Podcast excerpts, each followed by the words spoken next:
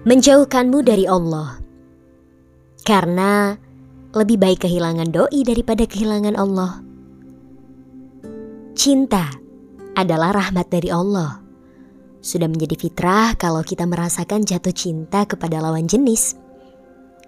Ketika kamu bertemu dengan seseorang yang menarik perhatianmu, lalu timbul perasaan cinta di hatimu, sebenarnya itu adalah hal wajar karena sudah fitrahnya manusia untuk mencintai. Tapi, kalau kamu melabuhkan cintamu dengan berpacaran dengannya, itu bukan lagi cinta, tapi nafsu. Karena cinta adalah rahmat dari Allah, seharusnya membuatmu semakin taat padanya, bukan membuatmu semakin jauh dari Allah. Kalau dia membuatmu malas beribadah, kalau wajahnya selalu muncul ketika kamu sedang sholat, kalau dia membuatmu semakin malas mengaji, asik chatting hingga tengah malam sampai melewatkan sholat tahajud dan bangun kesiangan melalaikan sholat subuh. Maka yang sedang kamu rasakan itu adalah nafsu. Hanya ada dua sikap terbaik yang bisa kamu lakukan ketika kamu mencintai seseorang, yaitu menghalalkannya atau menjauhinya. Yap, kalau kamu belum mampu untuk menjalani hubungan halal, maka menjauhlah. Pacaran bukan tanda sayang. Pacaran bukan tanda cinta. Jangan mau kalau hanya diajak pacaran. Kamu terlalu indah untuk dimiliki dengan cara yang salah. Kalau dia benar-benar mencintaimu, seharusnya dia tidak mengajakmu berpacaran. Dan kalau kamu benar-benar sayang dengan dirimu, seharusnya kamu menolak ajakan berpacaran darinya. Berapa banyak yang akhirnya putus kemudian saling membenci atau bagai seorang yang asing, tidak kenal lagi? Berapa banyak yang akhirnya berpisah tanpa ada penjelasan? Berapa banyak yang akhirnya putus dan meninggalkan bekas luka masa lalu? Kamu jangan lupa sholat ya. Data HP-nya jangan dimatiin. Nanti aku telepon bangunin tahajud. Udah ngaji belum hari ini? Oh tidak, berapa banyak yang terjebak dengan jebakan ini? Berapa banyak yang berawal dari baper, berujung pada kecewa?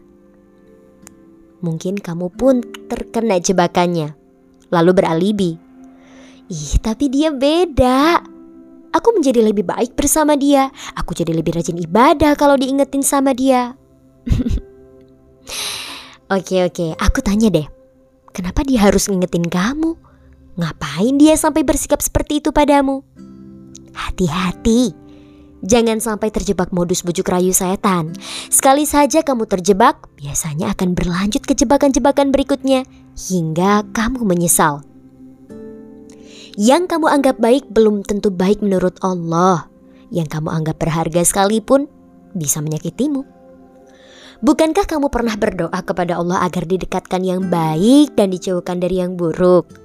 Lalu ketika dia menjauh darimu, mengapa kamu sedih memikirkannya? Bukankah itu adalah hasil dari doamu? Itulah jawaban dari doamu. Allah menjauhkan yang buruk darimu. Ingat kalimatnya Umar bin Khattab gak? Hatiku tenang karena mengetahui apa yang melewatkanku bukanlah takdirku. Apa yang menjadi takdirku tidak akan melewatkanku. Allah itu maha baik. Apa pun yang terjadi, pasti ada kebaikan di dalamnya. Selalu berprasangka baik ya sama Allah. Saat ini kamu sedih karena dia meninggalkanmu, menjauh darimu. Suatu hari nanti, kamu akan bersyukur karena dijauhkan darinya dan bertemu dengan seseorang yang lebih baik lagi. Karena lebih baik kehilangan doi daripada kehilangan Allah. Kehilangan seseorang yang belum tentu akan menjadi jodohmu bukanlah hal yang perlu terlalu dipikirkan. Yang menikah saja masih bisa berpisah, apalagi yang hubungannya gak jelas seperti pacaran. Sangat rentan berpisah.